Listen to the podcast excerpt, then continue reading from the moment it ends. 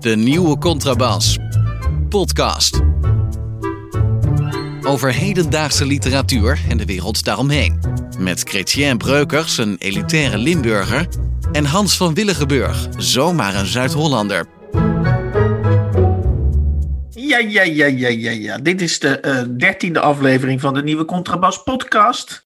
Uh, de weerslag van uh, twee naarstige mannetjes, Hans van Willigenburg en Chrétien Breukers. En wat hebben die mannetjes gedaan? Uh, die lezen veel, dat weten we inmiddels. die doen naarstig hun best. Maar deze week hebben ze vooral ook veel naar andere boekenpodcasts geluisterd. dus gaan we um, in het eerste deel van deze podcast gaan we eens minutieus onze concurrentie in beeld brengen. En na die evaluatie, die knapperige evaluatie kan ik alvast zeggen, gaan we ook nog twee boeken onder de loep leggen.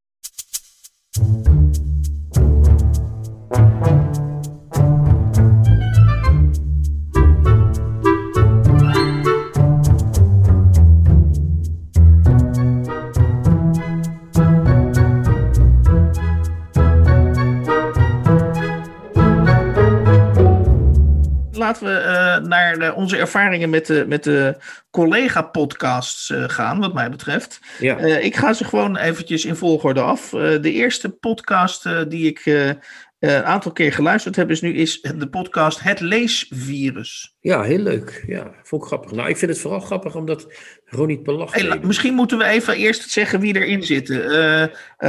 het Leesvirus is een podcast van drie lezers die uh, geen enkele poging doen om. Die, die, die delen gewoon elke week of om de zoveel tijd. Uh, delen zij uh, wat zij gelezen hebben. Dus de NRC pakt het heel anders aan. Die zeggen: wij gaan het hebben over belangrijke boeken. Maar het leesvirus ze, heeft gewoon drie mensen. inderdaad, Stefan de Vries is correspondent in Parijs. Ronit Palash is journalist in Nederland. En Olaf Koens is een in Turkije um, verblijvende journalist die ook veel boeken schrijft. En zij delen, doen niet meer dan hun leeservaringen om de zoveel delen met de lezer. Ja, ik vond het een erg mooie podcast. Vooral, ik vind het leuk als vrienden met elkaar over literatuur praten.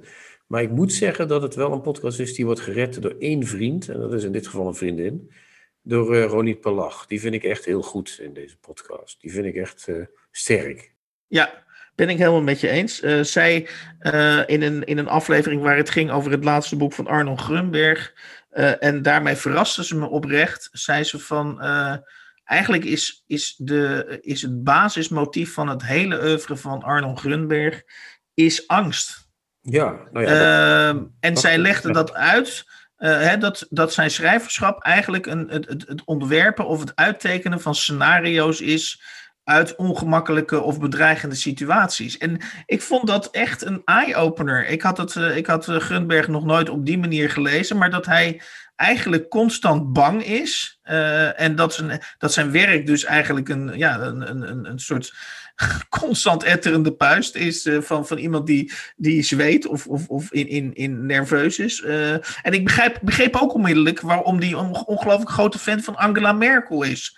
Dus, en dat heeft hij volgens mij ook bijna letterlijk opgeschreven, is dat hij zich aan de, aan de voeten wil werpen van Angela Merkel. Want als zolang Angela Merkel aan de macht is, dan kun je rustig naar bed. Dan hoef je niet bang te zijn. Misschien is hij daarom ook fan van Rutte, maar die, dan, zolang Rutte aan de macht is, hoef je in ieder geval niet bang te zijn dat er chaos uitbreekt. Maar ik denk dat het nog iets anders is, want de, de romans van, van, van Gunberg zijn allemaal een soort exercities waarin die, uh, de hoofdpersonen streng in de hand heeft. Hij, hij is altijd, Gunberg is altijd degene die de hoofdpersonen uh, laat doen wat hij wil. Hè, dat klinkt uh, vreemd, maar zo is het wel. Die, al die hoofdpersonen zijn echt ja, maar dat is een beetje een vreemde uitspraak, want dat doet elke schrijver toch? De, nou, hoofdpersoon, ja, die, bij, bij de hoofdpersoon die je creëert, de, die doet toch wat jij wil? Ja, maar bij, bij, bij, bij, bij Grunberg zie je bijna soms er doorheen dat, dat die, die, die, die mensen die gaan ten onder. En die, uh, ja, ik weet niet waarom, maar ik heb altijd het idee dat hij die hoofdpersonen zijn ook zijn bezweringen van de angst. Dus hij is inderdaad angstig, maar alles wat er gebeurt in zijn leven, niet voor niks dat hij zo'n. Hij is en een publieke figuur en eigenlijk weet niemand iets van hem. Hij is en een, en, een, en een schrijver, maar hij doet ook zo dat, dat hij alles in de hand houdt. Dus die angst dat zij dat zei, daar wilde ik eigenlijk naartoe. Dat zie ik inderdaad als een, dat was een heel goede observatie. Dat ja, vond ik ook. Vond ik ook. En, En uh, wat ik ook grappig vond, is dat, dat we hebben natuurlijk onlangs die televisieserie van hem besproken. Uh, dat hij uh, emigreert naar, of dat hij Amerikaan wordt. En je zou met haar, op, met haar observatie, dacht ik, ja, je zou dat dus ook heel anders kunnen lezen. Je zou dus niet, uh, ik dacht meer van, nou, Amerika moet zich kwalificeren om Arnold Grunberg uh, als, als burger te, uh, te mogen verwelkomen. Terwijl je natuurlijk ook zou kunnen omdraaien dat hij, dat hij wil eerst weten of Amerika wel echt een, een tof land is en, en, en aan allerlei beschavingsniveaus voldoet. En dat hij dan pas bereid is om er naartoe, of, of om Amerikaans staatsburger te ja, worden. Dat hij dan pas bereid is om zijn angst op te geven om er te gaan wonen, om zich ergens te vestigen. Dus ja.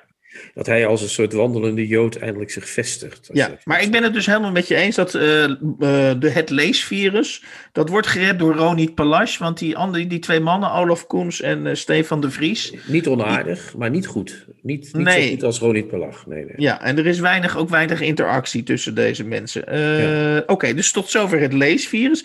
Dan hadden we natuurlijk deze week ja, dat, dat, dat leverde wat mij betreft een aantal um, onvergetelijke momenten op. Uh, uh, de eerste aflevering van Brommer op ah, Zee. ja, fantastisch. Ja, we, van de VPRO. Met Wilfried de Jong en Rut Joos. Ja, fantastisch. We zullen trouwens nooit vergeten wat, wat, het, wat je zegt onvergetelijke momenten, Hans. Ik heb uh, een van de onvergetelijke momenten is dat Josse de Pauw, beroemde acteur. Ja, de eerste acteur. gast, ja. En uh, nu ook schrijver voor, van zijn tweede boek. Hij had, twintig jaar geleden heeft hij ook al een boek geschreven. En nu had hij ook weer een boek geschreven. Die heeft een kwartier lang in zijn baard zitten plukken. Nou, ik vond het echt top televisie. Een, een man met een prachtige baard. Uh, tot, tot onder zijn bijna op zijn borstbeen, onderkant borstbeen. Die daar de hele tijd in zit, zat, zat prachtig zat te bewegen. Dat was echt. Uh, vond jij niet onbe, onbe, dat vond ik echt een geweldige televisie. Ja. Behalve dat hij dus een soort reïncarnatie was van de schrijver als goddelijke, als goddelijke creator. Hij zat er inderdaad als een soort vorst, zat hij daar aan dat bureau. En niemand durfde hem wat te vragen ook. Het maar misschien, beetje, misschien ja. wat hem misschien nog goddelijker maakte, is dat, dat niemand ook begreep, of althans ik begreep eigenlijk helemaal niet. En, en ik vroeg me ook af of die interviewers een poging deden om, om op te helderen wat hij nou eigenlijk zei. Het was een volkomen uh, warrig gesprek. Ja, en waar dat boek over ging. Want dat ja. weet ik eigenlijk na afloop ook nog niet. Het maakt niet uit trouwens, ik vind het prachtige televisie. Maar uh, waar het boek over ging is mij niet duidelijk. Want Rut Joost, die ik wel heel goed vind, die zei steeds... die had het over glanzende miniaturen. Maar ja, dan weet ik nog niet waar een boek over gaat natuurlijk. Nee.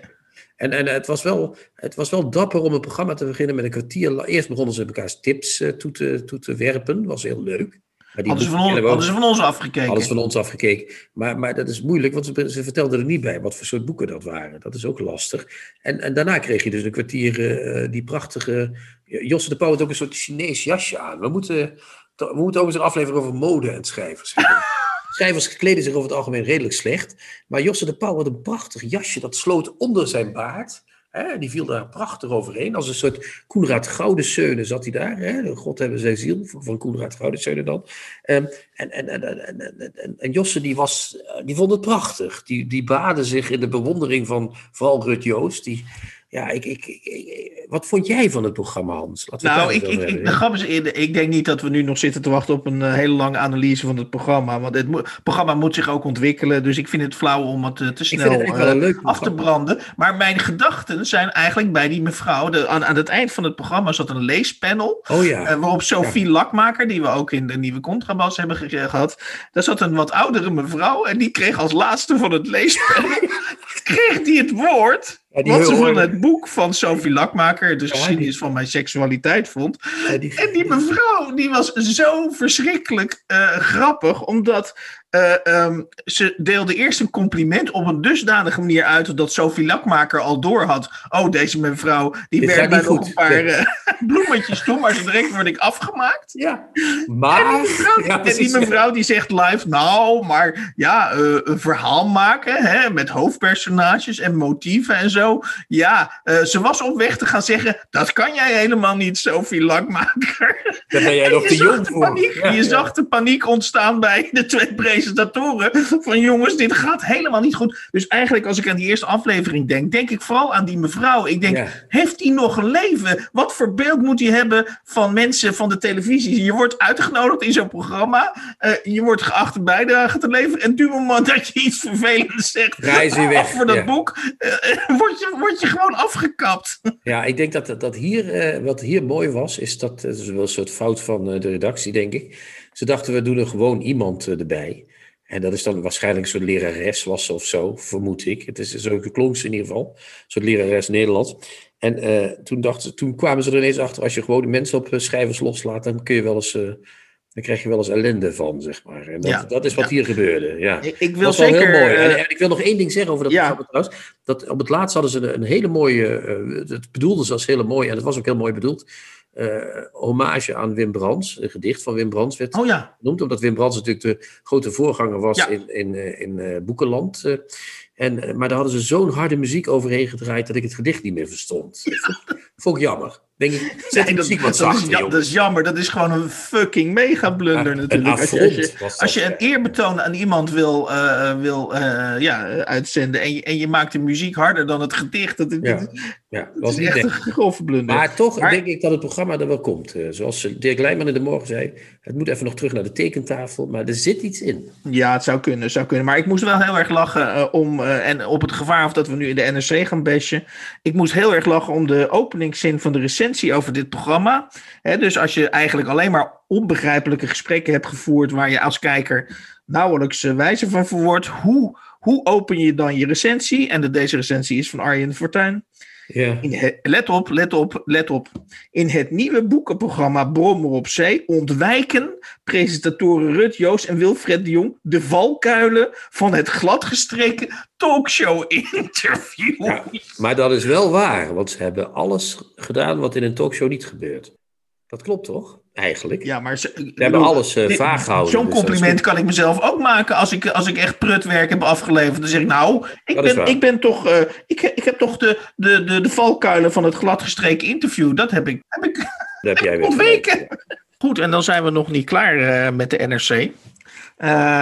Want we hebben ook nog een, een, een podcast te bespreken van de NRC. En dat is de, de podcast Tussen de Regels. Ehm, een heel groot concern gaat eh, met de boekenredactie, eh, of een aantal mensen van de boekenredactie, eh, een podcast beginnen. Heel Nederland is aan de podcast begonnen, dus waarom de NRC niet? Chrétien, jouw eerste indruk, wat vind je van Tussen de Regels? Ik heb één aflevering geluisterd, want er is er maar één ook, volgens mij, als ik het goed heb. Of hebben ze er al een tweede weten uit de pers? Volgens mij net een tweede. Maar die, ik heb de eerste gelezen, ge- gelezen, wat een beroepsdeformatie. Ik heb de eerste gehoord, omdat het eh, met onze vorige gast eh, Thomas de Veen was. Hè? Dus tussen de regels met Thomas de Veen. Eh, drie heren die spraken over Lale Guls boek Ik ga leven. Onder leiderschap van Michel Krielaas, chef boeken van de NRC. En mijn eerste indruk is met één woord samen te vatten, Hans. Keurig. En, en het aardige was dat het eigenlijk dat, dat drie keurige heren een iets minder keurig boek eh gingen Ja, ja, bespreken. ja, ja. En dan waren ze ook een beetje. Ze waren heel voorzichtig, want ze begonnen het ook in te delen, het boek. Hè? Want het was een eh, boek met wat eh, curieuze taalkronkels. Eh, eh, dus ja, die, die Lale Gül schrijft daar in het Nederlands een beetje gek op. Net zoals de kritiek vroeger op Jan Kramer eigenlijk was. Van ja, kan Jan Kramer wel Nederlands? Nu vindt iedereen dat Nederlands. Eh, dus ze vonden het wat te creatief met de taal, maar ze vonden het ook af en toe wel wat te seksueel. Want het is natuurlijk in de NRC niet de gewoonte dat eh, meisjes van 23 zomaar over seks eh, schrijven. Dat, is, Ja. dat, komt la- dat komt later pas, denk ik. Als je wat ouder bent, zoals eh Ja. Michael Krielaas is, dan, dan, dan komt dat een keer misschien. Dan, dan ga je over seks. Maar het was allemaal zo keurig, zo braaf. Ze wilden dat meisje duiden, weet je wel. Dat vind ik ook raar. Waarom ga je een boek duiden? Weet, weet je wel, ik ga er toch niet... Ja, wij, wij duiden toch ook, Chrétien, of niet? Nee, wij proberen onze mening over zo'n boek eh, eh, uit eh, te spreken. Maar wat ze gingen doen is. Ja, maar het is eigenlijk een schelmenroman. Het is eigenlijk een dit. Het is eigenlijk een dat. Het is eigenlijk net als dat boek van Eus. Het is omdat het ook een. En dat is dan eigenlijk heel raar, want het is omdat het ook een buiten, iemand van buitenlandse afkomst is. Of heet dat tegenwoordig niet meer zo, maar iemand van een, uit een andere cultuur is. Met een Dus- andere culturele achtergrond. Ja, en dat, he- dat is dan ineens net als Eus. Dus je veegt eigenlijk alle andere culturele af- achtergronden op één hoop en zegt, ja, daar komt ze ook vandaan. Dus ze, ze proberen vanuit hun ivoren toren vat te krijgen op, op, op een boek van iemand waar ze geen vat op krijgen. En dat vind ik wel een pleidooi voor dat boek, moet ik eerlijk zeggen. Dus dat boek laat zich niet zomaar 1, 2, 3 eh, uh, dat spartelt een beetje tegen. vind ik, wel weer, ik, ik ga het zeker nu lezen na het, horen van de podcast. Dus in die zin is het wel, is het wel geslaagd. Heb jij het al inmiddels? Uh, nee, je had het net gekocht. Nee, ik ben ermee bezig. Ik ben ermee bezig. En, en je zou kunnen zeggen, het is natuurlijk niet uh, de taak van de criticus om te gaan zeggen van wat blij dat Lale Gül bestaat en wat fijn dat een hele nieuwe generatie of een nieuwe generatie schrijvers met dit boek eigenlijk zijn, zijn hoofd om de hoek steekt. Maar ik, ik, hè, dus, maar ik denk wel van als ik zo'n gesprek luister, denk ik, ja, jullie gaan wel. dat mag ook wel eens gezegd worden. En je weet bij deze drie, drie heren, dat gaat niet gezegd worden. En ja, ik vind dat jammer dat er niet een klein beetje enthousiasme ontstaat. Sterker nog, een van de drie heren, ik weet niet meer uit mijn hoofd of dat Thomas de Veen was of die Lotfi Al-Hamidi, maar die zei op een gegeven moment volgens mij letterlijk: Ja, ja, ja, het is toch niet, het is toch niet in Nederland. Ik wacht eigenlijk op de Nederlandse Zadie Smith. Ja. En dat, ja dat, dat was, dat zij dan niet. Dat was eigenlijk al een grote teleurstelling. Dus ja, volgens zeg maar de NRC uh, moet je dan wel een variant op C.D. Smith zijn. Dan, dan is het goed. Ja, dat is waar. Het, is, het, heeft, het, het, de, het geheel van de podcast heeft iets neerbuigends. Er wordt een wat oudere heer neergezet, chef boeken. Die gaat een uh, journalist, vliegt die in. Dat was die uh, Alouadi, of hoe heette die, zei je? Uh, Lotfi El Hamidi. El Hamidi, sorry. En, en, en iemand van de eigen redactie, altijd makkelijk, die zitten er toch overdag. Hè, Thomas de Veen. En dan gaan ze dat boek eens eventjes plaatsen. En dat vind ik, dat, dat zal, daar zal ik mij tot mijn laatste snik tegen verzetten. Tegen boeken. Probeer, ik bedoel, een boek is slecht of een boek is goed. Maar een boek plaatsen. Dus zeggen van jij, auteur, hoort hier. En dat is jouw plek. En vanaf dit moment ben jij die auteur die daarin dat door ons in dat hokje gezet is. En dat is wat er precies mis is met sommige soorten literaire kritiek ook. Dat moet niet in dat hokje geplaatst worden. Je moet kijken van wat is dat voor boek en wat kan daar nog, wat is zo iemand aan het doen en wat, waar wil die heen en wat wil die persoon doen. Dat vind Als ik, ik even in de gedachten van Thomas de Veen dan uh, probeer te kruipen en daar hebben we in de vorige podcast een beetje mee kennis proberen te maken. Ik zeg het heel voorzichtig, want de man, de man laat zich niet makkelijk uh, nee, benaderen, om het maar bij. zo ja. te zeggen. Ja. Uh, dan had hij het vooral ook over dienstbaarheid. Dat stond heel hoog bij hem in, bij hem in het vallen. Hij vond het ook maar sowieso dat eigenlijk niet vanzelfsprekend dat zijn eigen naam onder zo'n stukje stond. Dat dacht ik ook al. Van waar ben je in godsnaam anders criticus voor? Dan, ja, ja, jouw naam staat eronder. Um, dus wat ik denk, en, uh, is dat zij, uh, wat ze zeggen ook met nadruk, wij behandelen de belangrijke boeken. Hè? Dus dat ja, is dan ja, hun ja. dienstbaarheid. Dus ze doen, ze doen niet zeg maar die boeken die wij bespreken, uh, want die zijn voor hun niet, die, die, hebben, zijn, die hebben dan niet genoeg lezers. Wij grazen natuurlijk dat hele literaire veld of proberen wij te bestrijken. Zij gaan alleen voor de belangrijke boeken. En hmm. dan stel ik me voor dat een accountant of een, een advocaat, een dokter, nou ja, je weet het wel, de NRC-publiek. En voor die groep gaan, ze dan Gül even netjes in een vakje plaatsen, zodat zij het op hun verjaardag uh, zeg maar ook een beetje kunnen, ook een beetje kunnen meelullen. Ja, maar dan wordt het wel dus daarna, uh, net alsof je uh, begint met een lekkere zompige pannenkoek en eindigt met een steriel verbandgaasje. En dat is raar. We wachten de volgende aflevering nog even af, laten we het zo zeggen. Ja. Dan, uh, dan hebben we tot slot. Uh, oh nee, we hebben ook nog, uh, we hebben ook nog boeken FM. Nou goed, in ieder geval, we hebben ook nog de Sumcast. Oh ja. dat is ook een van onze concurrenten. En daar heb jij ook een ambiguë mening over, heb ik via via begrepen. Oh, via via, via mij, denk ik vooral. Maar ik heb een ambiguë mening over het SUM ook. Het SUM is de weblog waar de podcast uit voortgekomen is. Sum doet heel veel uh, uh, aan uh, clickbait. Dat betekent als er een bericht is, om, we noemen de auteur uit het vorige bericht gewoon weer even. Als Lala Gül is bedreigd door iemand, dan wordt er een berichtje bij Sum. Lala Gül bedreigd. Berichtje in de ochtend. Daar klikken heel veel mensen op, want dat is een actueel onderwerp. En dat is ook op de NOS en zo. Hè? Dat wordt ook in het nieuws genoemd. Dus daar komen veel bezoekers op af. In de middag komt een berichtje. Lala Gül wordt bedreigd door 16-jarige jongen. Tweede keer klikken, weet je wel, dan heb je weer allemaal bezoekers. S'avonds, 16-jarige jongen gearresteerd. Derde berichtje, weer allemaal mensen die komen klikken. Dat heet clickbait uh, in, in uh, weblogtermen. Hè? Dan ga je zoeken naar kliks. Dat zijn geen kwalitatieve bezoekers, maar je hebt je wel heel veel bezoek. En dat heeft Sum ook. Dat kunnen ze ook heel goed. En je zou kunnen zeggen dat is een uh, goede methode. Maar het leidt toch wel af van het feit dat je eigenlijk maar de hele dag door één bericht hebt geplaatst, namelijk over Ladegul. Dus doe dan één bericht en zoek wat meer zelf uit en ga eens kijken hoe dat zit met die Ladegul en zo.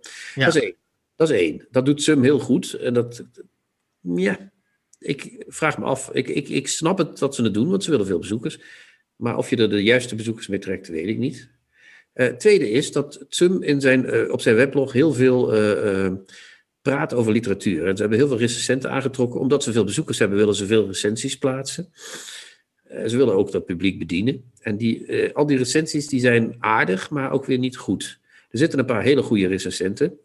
Koen Peppelenbos, de hoofdredacteur bijvoorbeeld, is goed. Eh, Frank van Dijl, oud-recens- oud-recensent voor Rotterdamse Courant of zo. Die zoiets. voor het Vrije Volk nog wel gewerkt. Vrije Ja. Volk zelfs nog. Nou, kijk, zo oud al. Maar die doet dat ook allemaal heel aardig. Die zoekt ook soms dingen uit. Dus aan de ene kant zijn ze goed, aan de andere kant gaan ze iedereen en alles, eh, eh, laten ze maar een beetje aanwouwen. Ja, maar we hebben het nu over het Zoom, maar ik wil naar de Ja, maar ik, ja, dat weet ik. Maar je moet me toch even die, die, die brug laten brengen. En dan zou ik zeggen, dan breng je zo'n cast uit. En wat ze in die podcast doen, is eh, één boek behandelen, drie kwartier lang. Daar volgen ze eigenlijk een beetje de methode Michael Zeeman mee. Hè? Zeeman met boeken. Vroeger ook. Groot eh, Michael Zeeman, die... Jij zegt dat ze, jij komt eh, eh, op Zeeman met boeken, maar ik herinner me dat hij toch ook een gevulde tafel had. Die hadden, had op een gegeven moment meerdere auteurs aan één, eh, aan één Nee, tafel. ja, maar die had allemaal mensen die over één boek of over meerdere boeken per aflevering spraken. Dus die had wel auteurs, die had, hoe heet die, Dirk van Wilde, maar ook Maarten van Rossum, toen hij nog niet zo beroemd was als nu. Eh Immer van der Poel, eh, Kees Vens is een keer geweest, Maarten Doorman, die een keer door Kees Vens heel leuk werd afgekraakt, was heel grappig. Eh, enzovoort, enzovoort. Dus die mensen praten over één, één, twee of drie boeken. En dat, dat doet Sum ook. Die willen dan drie kwartier over één boek vullen. En ik heb gisteren nog twee afleveringen teruggeluisterd. En waarvan de aflevering over Adriaan van Dis het, het mooiste was. Het mooiste attribuering van wat ik wil zeggen. Daar zitten hele goede dingen in. Echt fantastische dingen. En tegelijkertijd beginnen ze eerst tien minuten te vragen: is het nou een dystopische roman of niet? Ja, wat is ook alweer een dystopische roman? En dan zitten ze tien minuten echt eh, te zoeken. Dan denk ik, ja, dat is jammer. Snijd dat er dan uit. Of, of bereid dat dan voor, weet je wel. Eh, als je, eh, je hebt al een site waar, waarmee je die bezoekers wilt trekken. Nou, die bezoekers leid je dan naar die podcast. En daar wil je de kwaliteit bieden. En dan ga je daar ook nog een beetje lopen emmeren. Dan denk ik, nou, als dat wat strakker zou gaan. Dan zou je mij als, als buitenstaander, relatieve buitenstaander, mee hebben. Want dan zou ik denken, nou ja, die clickbait oké, maar die podcast is goed. Emmeren, dat kunnen we niet tolereren. Dat doen wij, dat doen wij natuurlijk ook nooit, toch? Ja, Dat wij, emmeren. wij emmeren alleen maar, maar daar gaat het nu even niet om. Het gaat nu om dat zij, drie kwartier, als je drie kwartier over een boek emmert, moet je wel leuk emmeren. Je weet, eh, Hans, zoals Gerard Reven al zei, er is niks mis met geoude hoer, zolang er Gods zegen maar op rust. En op dit geoude hoer, helaas, kunnen wij Gods zegen niet laten rusten. Oké, nou dan gaan we naar onze laatste. De, de vaart zit er lekker in. Dan gaan we eh, tot slot een, een cast waar ik zelf wel eh, behoorlijk al veel luisteruren in heb zitten. Dat is namelijk de cast Boeken FM. Ja, die duurt ook zes uur per keer, dus daar heb je sowieso al meteen heel veel uren in zitten. Of niet, twee uur per keer duurt. Ja, spillen van die cast zijn eh, Ellen Dekwiets en Joost de Vries. Dat, dat zijn de twee sterren van Boeken FM. En eh, die Joost de Vries, eh, die heeft als stopwoordje dat hij alles grappig vindt. Hé, dat is grappig, zegt hij dan. Hé, dat is grappig, grappig, grappig. Dat dat, grappig, dat heb ik ook al, grappig zeg. Dat, dat heb ik ook al een keer. Nou, ja, ik, ik heb als, ik heb als eh, stopwoordje eindelijk. Dus wie ben ik om over heb je- grappig, over grappig eh, te kapitelen. Maar goed, het is een beetje een waanwijze, een beetje, een beetje arrogante jongen. Ehm, en dan hebben we Ellen Dekwiets. En die, ja, die, die weet toch wel veel hoor, Kreetje. Die weet heel veel, ja, ja. Daar ben ik ook van onder de indruk, moet ik zeggen, ja. Maar ik, eh, ik heb eh, met heel veel mensen eh, probeer ik een soort basisband te onderhouden. Maar Ellen Dekwits kan ik gewoon niet verdragen. Daar kan ik gewoon niet tegen. Dat is heel erg en heel onverdraagzaam voor mij. Maar ik verdraag haar niet. En dat heeft te maken met. eh, met, eh, met het is een, een vorm van oud zeer. Waar ik niet, het is niet netjes dat ik het zeg, maar zo zit het in elkaar. Ja. Ik mag haar gewoon niet. Nee. Nee, dat mag, eh, mag op de radio. Dit mag u Ik- ik, uitzenden. ik zou bijna zeggen, de- je professionaliteit vereist nu dat je één argument aanvoert. Maar eh, Nou ja, ik- laten we zeggen, ik heb, ik heb eh, het, los van het feit dat ze veel weet, hoewel ik haar stukken over poëzie toch ook weer heel oppervlakkig vind. Maar ze weet veel en ze heeft veel gelezen, maar ze heeft een soort houding gehad altijd waarin haar eh, netwerk belangrijker was dan de kwaliteit van het werk. Dus ze heeft zich altijd heel goed weten op te werken richting uh, de top. Wat voor nou haar ja, de top dat, is. Dat is ik, ik ben, uh, zoals je weet, ik ben helemaal niet zo'n schuimer. Uh, en ik ben, mijn, mijn contacten in de literaire wereld zijn, uh, zijn, er wel, maar niet veelvuldig. Maar wat ik wel al van verschillende mensen heb gehoord, is dat Ellen Dekwits gewoon als, als persoonlijke doelstelling heeft om bekende Nederlander te ja, worden. Precies, ja, ja, en sinds ik dat hoor, let ik er een beetje op en denk ik, verdraaid.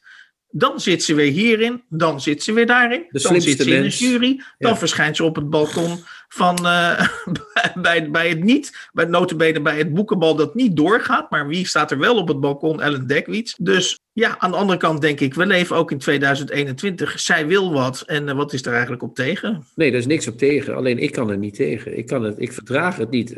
Maar we moeten het wel nog heel even kort. Want dat, dat nou, lijkt het net alsof we die podcast helemaal uh, terzijde schuiven. Kijk, ik, ik, ik verdraag Ellen Dekwits niet. Ik vind, wat jij zei, ik vind Joost de Vries waanwijs. Maar ik moet zeggen, en dat spijt mij bijna. Maar die podcast is wel te lang. Want twee, twee uur, anderhalf uur, drie, één uur en drie kwartier is soms te lang. Uh, het is van de literaire podcast die we behandeld hebben, een van de betere. Dat is wel zo. Dat is, er wordt wel op een leuke manier over een boek uh, gepraat. En dat is een hele kunst, want ze praten soms heel lang over één boek. Één auteur, ja. Jij springt hier over je eigen schaduw heen en... en ja, met de, met de knoet voor uh, allebei uh, moeten we toch een aai uh, uitreiken aan de podcast. Dat is zoals het is. Hopelijk ben je het met me eens, ik weet het niet. Ja, Boeken FM krijgt in de, in de dying seconds, krijgt Boeken FM nog even een pluimpje van ons. Tips van de week. Boeken, artikelen of pamfletten die boven het maaiveld uitsteken. Zolang als de nieuwe Contrabas podcast bestaat, word ik een beetje achtervolgd door het verwijt dat ik te veel mannen lees. Uh, en uh, ik, zie daar, ik zag daar natuurlijk in het begin helemaal geen bezwaar tegen. Maar goed, langzaam, langzaam, heel langzaam. Uh, zijn er dus wat vrouwen naar binnen geslopen. En ik heb vorige week, zoals ik in de vorige podcast al aankondigde, heb ik twee dames weggeplukt uit de boekwinkel, namelijk Lale Gul met dat beroemde boek Ik ga leven. Dat, dat ga ik dus lezen. Maar een ander boek, wat ik in de slipstream meenam. En dat is een boek, daarvan kan ik verklappen dat, het, dat ik er met geweldig veel plezier heb gelezen. En dat is het boek Melktanden van Emma Curvers. Sterker nog, Kreetje, ik kan dat wel bekennen. Ik ben een beetje verliefd geworden op Emma Curvers. snap je dat? Dat je verliefd wordt op de auteur, of in dit geval de vrouwelijke auteur die je aan het lezen bent. Ik ben wel eens verliefd geweest op vrouwelijke auteurs, maar ik moet eerlijk bekennen dat dat uh, buiten, nou ja, ik vond het werk ook wel goed, maar dat, was, dat had toch meer met de persoon te maken. Dus ik ga niet zeggen op wie, en ook niet met, hè. maar het, het, dat gebeurde. En uh, ik ben eigenlijk alleen nog op een, ooit op, uh, er, ik was verliefd op Virginia Woolf ooit. Ooit, oké. Okay. Maar die was al dood. Die is, die is overigens op mijn verjaardag, is die 28 maart, is die in het water gelopen. Dus die heeft die zelfmoord gepleegd. Dus dat schept toch een band toen ik, nee, niet op dezelfde dag dat ik geboren was, maar op de 28e maart uh, liep ze in het water. En op de 28e maart ben ik geboren. Dus ik voel me altijd wel verbonden met Virginia Woolf. Maar ik denk niet dat jij dit bedoelt met verliefd zijn. Nee, dat weet ik niet. Maar, maar ik vraag me wel af in verband met Virginia Woolf. Als iemand zo melodramatisch uh, aan haar einde komt, of, of dat jouw verliefdheid, uh, ja, dan, dan dat kan al. Nee, dat kwam door het werk eigenlijk wel, ja. Het, het werk van Virginia Woolf was, vond ik, vind ik nog steeds zo goed dat ik daar verliefd op kan worden. Ja. ja. Okay. En op de persoon ook wel een beetje. Ze was niet heel knap, maar ze had wel wat, moet ik zeggen. En je kunt dat verder niet omschrijven of onder woorden brengen, Ketje. Nee, die verliefdheid die zit echt in, een, dat zit in het gevoel dat ik denk, ja, dit is iemand die ik zou kunnen, die, die, die ik begrijp en waarvan ik, van wie ik zou hopen dat ze mij ook zou begrijpen. Maar dan kom je in het troebele gebied van de verliefdheid. Ik, ik ben wel eens verliefd geweest op een schrijfster die ik niet zo goed vond. En daar was ik toch echt heel verliefd op. En heel lang ook. En daar heb ik ook echt wat mee gehad en zo. Maar dat was altijd heel gedoe om om die boeken heen te praten. Snap je Ja. wat ik bedoel? Want ja, die vond ik Ja. minder goed. Dus dat, eh, Maar, goed, we gaan even weg uit jouw familiealbum toch maar, hè? Ja, nee, maar toch, toch moet ik dat even zeggen. Want als zij zo had geschreven als Virginia Woolf, dan was ik met haar getrouwd. Maar ja, dat is niet gebeurd. Anyway, Emma Curvers, Hans, je bent verliefd op haar. Vertel, hoe en waarom? Nou goed, in de, in de schaduw van, van jouw eh, eh, toch eh heetgebakerde verliefdheid op Virginia Woolf speelt zich dus mijn verkikkerdheid of mijn verliefdheid op Emma Curvers af. Zij heeft dus net het boek eh, Melktanden eh, gepubliceerd. En ehm, ja, dan is natuurlijk de vraag: waarom ben ik onmiddellijk verliefd op dit proza? Uh, ja. Zij um, portretteert een jonge, onzekere vrouw. Dat zou natuurlijk Emma Curvers kunnen zijn. En um, zij krijgt in het begin van het boek, gaat zij uh, uh, samenwonen met, een, met haar partner. Nou ja, dat is een volstrekt, volstrekt normale, gewone situatie. En ik denk dat ze dat heel bewust doet, die, die normale, gewone situatie. Um, maar dan, nou, nou, goed, ik denk dat ik nu al eventjes een citaat op pagina 33, dat geeft precies aan hoe grappig uh, en ook eigenlijk wel ingenieus en ook heel erg eigentijds Emma Curvers uh, uh, zo'n relatie dus, ehm, haar, de, de relatie van de hoofdpersoon in dit geval, beschrijft. Pagina 33. Samen een hond nemen betekent dat je in een relatie zit met een hoog investeringsniveau. Bij elk stadium van een relatie hoort een bepaald investeringsniveau. In de eerste paar weken moet er iemand de eerste zijn die oppert: Wat doe je morgen? In ons geval was het Philip geweest die dat vroeg, die mij vanaf het begin had overdonderd met zijn enthousiasme voor morgen. Wat doe je morgen? Wordt op een, op een enig moment: Wat doe je volgende week? Uiteindelijk wordt het: Wat doe je in de meivakantie? En daarna: Wat doe je met je toekomst? Het niveau moet altijd in hetzelfde tempo stijgen. Wil een van beide plannen maken voor mij, terwijl de ander nog in februari zit, dan staat alles op losse schroeven. Een hond getuigt van een groot vertrouwen in de gezamenlijke toekomst. Een vertrouwen in de komende 10 tot 12 jaar die een Shih Tzu gemiddeld leeft. We zouden deze hond samen zindelijk maken. We zouden hem trucjes leren en samen begraven. Mijn toekomst was gegroeid en gegroeid, tot hij vrijwel eindeloos leek tot hij zich zo ver uitstrekte dat ik ermee in een huis kon gaan wonen en we onze levens aan elkaar verklonken tot een onontwaarbare massa. Het enige wat verder reikte dan deze hond was een kind of een gezamenlijke uitvaartverzekering. Ja, het is toch een beetje, ja, het is grappig. Het is een beetje ironisch, hè? Of niet? Eh, als ik even de. ik vind het ontzettend grappig. als ik even de demper uit de kist mag halen. ja, het is grappig, maar het is. is dit, wat, wat, waar zit de verliefdheid in deze passage? Wat is. Wat? Ik, ik weet niet. Uh, ja, ik, vind het, ik, ik kom niet zoveel vrouwen tegen. En zeker, we hebben natuurlijk al best wel wat vrouwen besproken in deze podcast. Ik herinner me Lise Gallet. Kan jij nog een, een, paar vrouwen opzommen die wij onder, het, eh, onder, het, onder de loep hebben genomen?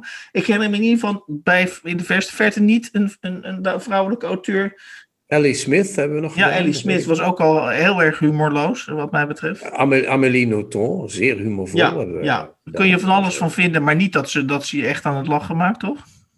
Jawel, Noton? Ja, ja okay. daar moet ik wel om lachen, ja, ja, die. Ja. Maar goed, anyway, ik heb er dadelijk nog wel een. Maar eerst ga jij eens even verder nog met deze materie. Ja. Maar goed, oké, en dan komt er natuurlijk. Uh, nee, wat, wat, ik heel mooi aan de vind, is, is dat zij dus in de psyche van die hoofdpersoon kruipt. En dat zij, uh, en dat zit natuurlijk ook al in het fragment wat ik net voorlas dat ze dus heel onzeker is. En dat ze, dat ze op allerlei manieren probeert te verifiëren of hij of haar, uh, haar, of haar vriend, Philip genaamd, net zo van haar houdt als zij van hem. En dat ze dus op minutieuze wijze dat blijft uh, volgen. En dat, daar komt dus ook, en dat werd ook in een aantal recensies benadrukt, uh, die constante onzekerheid van moderne vrouwen. Van voldoe ik wel? Ben ik interessant genoeg? Uh, uh, die voortdurende onzekerheid die maar door blijft hameren. Nou, en dat, dat doet ze op een hele goede. Maar, en, en, wat er eigenlijk ook heel goed in naar voren komt, is dat eigenlijk dus vrouwen, zoals deze hoofdpersoon die zijn dus hun eigen grootste vijand. Dat is natuurlijk eigenlijk ook wat in dit boek heel erg naar voren komt. Uh, natuurlijk is het zo dat we in een tijd leven dat er heel veel aandacht is voor hoe mannen vrouwen onderdrukken. En dat zal ongetwijfeld ook uh, veelvuldig gebeuren. Maar in, dit, in, in, deze hoofdpersoon zie je dus dat vrouwen vaak hun eigen uh, zichzelf heel erg in de weg zitten. Ja. Ja, ik zeg ja. Als in ja. en dan op een gegeven moment vindt ze dus bijvoorbeeld, en dan ga ik even door naar pagina 48 dan uh, vindt ze dus dat ze een om, om het beeld compleet te maken en, en s'avonds ook wat genoeg uh, verhaalstof voor haar vriendje te hebben. vindt ze dus dat ze een baan moet gaan nemen. Niet een te zware baan. Ze is dus wat dat betreft ook een echte moderne vrouw. Een moderne vrouw gaat niet gelijk fulltime werken, maar zoekt een leuke baan erbij. Want ze moet ook nog haar scriptie schrijven. En dan omschrijft ze dus in hoofdstuk 8 haar entree op haar werkplek. En dat vind ik ook heel erg grappig. ik hoop dat jij het ook grappig vindt, uh, Chrétien, maar zeker weten doe ik het niet. En dan maakt ze dus kennis met haar aanstaande baas bij wie ze graag een baan wil hebben. Natuurlijk vind ik het geen probleem, zei Dave. We zijn hier gek op honden. Ze neemt namelijk haar hond mee naar, haar, naar de sollicitatiegesprek. Dave leek me het type dat in principe nergens een probleem van wilde maken en überhaupt niet degene die de problemen zou oplossen. Dave deed precies genoeg moeite om aardig gevonden te worden en precies weinig genoeg om je hongerig te maken naar zijn erkenning. Het voorrecht van jongens met een ferme kaaklijn en weelderig haar zoals hij. Tijdens het korte sollicitatiegesprek, sollicitatiegesprek had hij twee telefoontjes aangenomen en werd hij er door de receptionist op gewezen dat zijn volgende afspraak al op hem zat te wachten. Met zijn outfit zei hij dat hij allesbehalve een gewone baas was. Boven een camouflagebroek droeg hij een t-shirt van een wandelvierdaagse die hij vermoedelijk niet had gelopen en een oranje muts. Zijn sneakers waren van een merk dat vegan leer gebruikte, wist ik. Het uniform van een eeuwige jongen in de creatief-commerciële sector. Ja, ik weet het nog niet, Hans. Ik ga het wel lezen. Omdat jij eh, verliefd bent geworden, ga ik het lezen natuurlijk. Oh, je bent natuurlijk verliefd geworden op proza, horen we dan te zeggen. In de literair correcte sfeer. Maar uh, maar jij, jij, klinkt vooralsnog gereserveerd. Ik ben enigszins gereserveerd. Ik, ik, ik, ik, ja. ik wil wel, maar ik ben er nog niet. Hoe zeg je dat? Ja, nou zo. Ik ben er nog niet helemaal. Ja, ik, ik, kan nu als een hondje gaan trainen. Waarom niet? Waf, waf. Maar oké. Omdat het, uh, kijk, dat ironie als, als stijlmiddel. Kijk, Lies Gallet, hè, die we besproken hebben, die had te weinig ironie. Dat is zo. Maar hier lijkt er wel te veel ironie in te zitten, snap je? Het is, het is een soort... Misschien zijn het ook wel de passages die ik. Uh, die dat kan zijn. Dus ik denk wel dat ik het boek ga lezen. Want ik, zoals ik zei, ik vond het eerste boek. Iedereen kan schilderen, of hoe heet het ook alweer? Ja, dat uh, dat uh, vond ik echt goed. Dus ik vermoed, ik vermoed dat ze niet halverwege ineens haar vermogen om een goed boek te schrijven vermogen, verloren is. Dus ik moet het eigenlijk helemaal lezen. Dus ik denk wel, of ik weet wel zeker dat ik het ga lezen. En dan, dan hebben we het er nog een keer over. Vind ik leuk. Ik heb wel een andere, misschien is dat een klein bruggetje, om, om het zo te zeggen. We hebben, we, hebben een nieuwe rubriek. Hè? Die, we, dit is onze bezinningsaflevering, als je het zo kunt zeggen. Uh, we, we, gaan uh, een rubriek maken die heet Blackbox. Uh, dat is een rubriek waarin schrijvers over het schrijfproces gaan praten. En we hebben al twee nieuwe gasten. We hebben Lise Spit gevraagd, die, die komt in de uitzending. Hippie Dat is leuk. Ik, ik heb nu het boek Ik ben er niet uitgelezen. Prachtig boek. Eh, net als Vestdijk, je moet er even doorheen. En dan als je er eenmaal na 100 bladzijden doorheen bent, dan eh, zijn de rest van de 450 bladzijden page-turners. Dus uh, toch nog een hele leessessie geweest. En uh, Delphine Leconte wil ook komen. Die heeft net een, dat is een dichteres, hè, beroemde dichteres. En die heeft net een proza-boek geschreven. Dat heet Beschermvrouwen van de Verschoppelingen.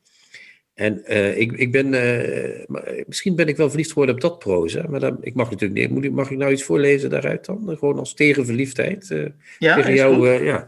Dat zijn allemaal korte verhalen. Zij schrijft eigenlijk, ze schreef heel lange gedichten altijd. Dat je dacht, waarom schrijf je geen verhaal? En nu schrijft ze hele korte verhalen van drie bladzijden. Dat je denkt, waarom schrijf je geen roman? Maar ik vermoed dat dat de volgende stap is. ze heeft allemaal korte verhalen, die, die beschermvrouwen van de verschoppelingen dus. En die verhalen zijn in drie, uh, uh, ja, in drie, vier delen zijn die uh, ondergebracht. Familie en vrienden, religie en ziekte, helden, controverse en een epiloog. Prachtige brief aan, aan Gerrit Achterberg. te lang om voor te lezen, maar het is schitterend. Als we haar spreken, zullen we het daarover hebben. dit komt uit het rubriek Helden, het begin van het verhaaltje het begin en het einde van het verhaal De Demonen van de Clown. Zal ik dat even kort voorlezen? Ja, doe maar. Ja, ik heb een grote fascinatie voor komieken, omdat ze helemaal niet grappig zijn. Ze zijn wrang, kwaad, angstig en wild. Het is overduidelijk dat ze hun obsessies, verslavingen, neurose en diepe melancholie kwijt kunnen in hun werk. En het is mooi om te zien dat er in hun werk plaats wordt gemaakt voor die obsessies, verslavingen, neurose en diepe melancholie. En het is een groot geschenk om getuige te zijn van een getalenteerde, getormenteerde ziel die zijn demonen ombuigt tot zwarte, ziekelijke, absurde en hilarische spinsels en verzinsels. Charlie Chaplin is altijd grappig, maar hij is ook een uitgemergelde clochard met een grote honger naar schiele bastaardhondjes, jonge uitgebuite bloemenverkoopsters, loesje circusartiesten en versleten schoenen. En dan het einde van het verhaal. De thema's van komieken zijn donker, rauw, grimmig, afwijkend, pijnlijk, persoonlijk, niets ontziend. En die laag zelfspot en humor die ze in hun shows en sketches steken is heerlijk voor ons, maar in hun caravan, het cliché, huilen ze bittere tranen, drinken ze gin, nemen ze valium en neuken ze vrouwen met alimentatiedollars in hun ogen. Nou, dat is toch een prachtig uh, begin en einde van een verhaaltje, vind je niet? Ik denk dat het wel een goede. Uh, dat maakt me nieuwsgierig naar uh, Delphine. Ze heeft ook een prachtige brief in, in het, of een prachtig stuk in het boek waarin ze het opneemt voor Arjen Peters. die de onlangs gedefameerde criticus van de Volkskrant, die weg moest omdat hij vrouwelijke schrijvers vroeg om te lunchen. Zij zegt daarin ook in dat stuk dat ze het heel jammer vond dat ze, hem niet, dat ze haar niet vroeg om te, om te gaan lunchen. En uh, uh, neemt het eigenlijk voor hem op en zegt van, nou ja, dat is toch allemaal niet zo erg. En, je zult het wel jammer vinden dat je van een hele lelijke vrouw steun krijgt, maar van mij heb je alle steun die je kunt krijgen. Nou ja, ze, ze, ze, is een hele, het is een hele originele, het was al een hele originele dichteres, maar ze is in haar proza net zo vreemd en awkward als ze altijd is. En het is echt proza om verliefd op te worden, dat is een ding wat zeker is. Ja, ja.